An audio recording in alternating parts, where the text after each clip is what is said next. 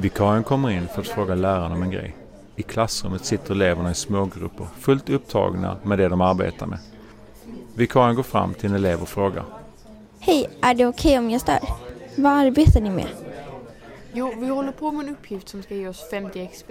Vi behöver dessa för att levla och då kan vi komma åt nästa utmaning.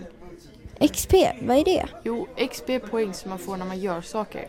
Eller erfarenhetspoäng. Du vet som i spel. Man får ju XP ju mer man gör i spelet. I Classroom har vi fått flera utmaningar. Om vi utför dem öppnas nya uppgifter och vi får mer XP. Men mer XP ger oss nya uppgifter och vi kan levla. Just nu är vi i Obsidian League. Snart så når vi nästa level. Hur funkar det rent praktiskt? Jo, i vår planering finns det en massa olika utmaningar som vi kan göra. Dessa ger oss olika mängd XP, erfarenhetspoäng. Man kan till exempel arbeta med en utmaning, se en film, lyssna på en podd etc. Gör vi dessa kan vi levla och då öppnas det upp nya utmaningar för oss. Jaha, det låter som ett spel. Ja, det är ganska likt. När jag berättade hemma vad vi gör i skolan så upptäckte vi att det finns massor av saker utanför skolan som gör likadant.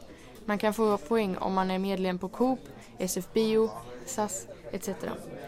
Pappa hade så många poäng på SJ att vi kan åka gratis till Stockholm i jul.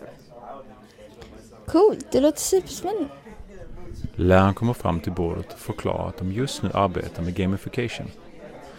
Ja, men det är ett sätt att använda spelmekanismer i klassrummet för att höja elevernas motivation. Det låter superspännande.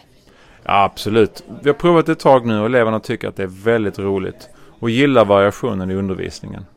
Det verkar som att eleverna verkligen gillar det. Något liknande har jag aldrig upplevt när jag gick i skolan. Det närmsta jag minns är när jag kunde få en guldstjärna på en uppgift som jag lämnat in som var bra. Okej, nu är det dags att gå in och svara på dagens exit tickets.